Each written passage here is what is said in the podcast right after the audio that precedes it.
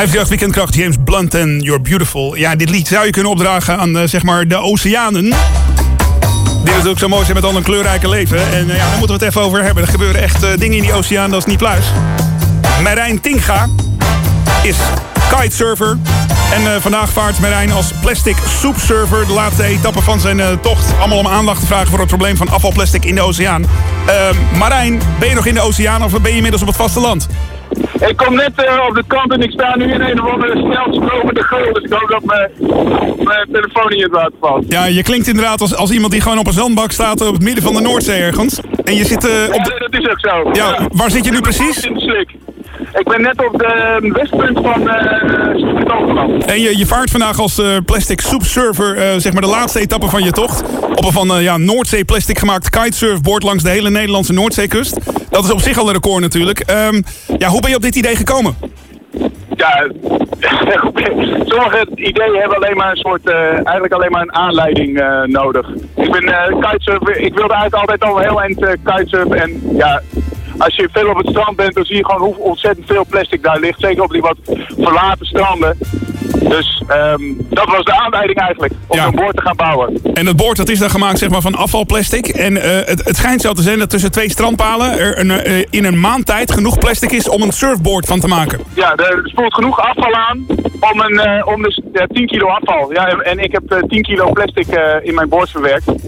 Dus ja, dat is de berekening. Dus ik ben nu eigenlijk 1400 van uh, dit soort, alsof als ik straks in Borkum aankom, dan heb ik 1400 van dit soort, van dat soort boards gepasseerd eigenlijk op mijn tocht. Bizar. En, van knokken tot aan, aan Borkum. En waar komt het meeste afval vandaan? Komt dat van boten of is dat echt iets wat mensen gewoon in de zee flikkeren? Nee, nee, je hebt, uh, je hebt eigenlijk, je hebt, je hebt, uh, het is eigenlijk in drieën verdeeld. Een derde is uh, ja, onze wegwerp, consumptieafval, hè, gewoon onze, onze, de, de, consument. En die gooit dat dan in uh, Enschede uh, op, de, op, het, uh, op de grond. Maar dat wordt meegenomen door de rivier. En dat komt uiteindelijk bij ons op het, op het strand terecht. Dat is één deel. Dan is er nog een deel van de visserij. Heel veel visnet en pluis. Pluis dat is een soort spul wat onderaan die visnetten zit om te voorkomen dat het, dat het schuurt. Ja. En dat is ook plastic.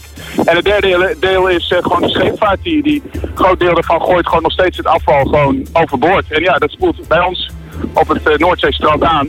Je moet begrijpen dat het Noordzeestrand is niet, niet het eindpunt natuurlijk.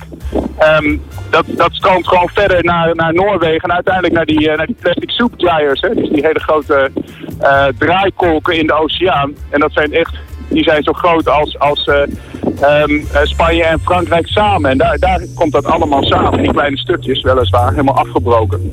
Dat is ook het punt. Plastic breekt niet af, of het verkeert niet, maar, maar, maar het breekt alleen maar af in steeds kleinere stukjes.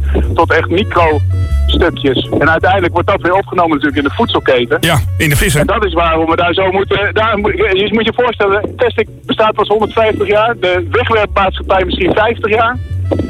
En nu al hebben we vijf van die uh, plastic soep uh, uh, gyres in de oceaan. Ja, bizar. Dus dat is echt een probleem wat nu op dit moment, waar een gedragsverandering moet plaatsvinden. Dus vanuit de haring zo naar plastics maakt. En het is natuurlijk een wereldwijd uh, probleem. En er worden ook heel veel oplossingen, er worden aan oplossingen gewerkt. Er is een dude die uh, een soort ging proberen om dat geloof ik ook uit de oceaan te filteren. Hè. Dus er zijn allerlei mensen wel heel druk met dit probleem.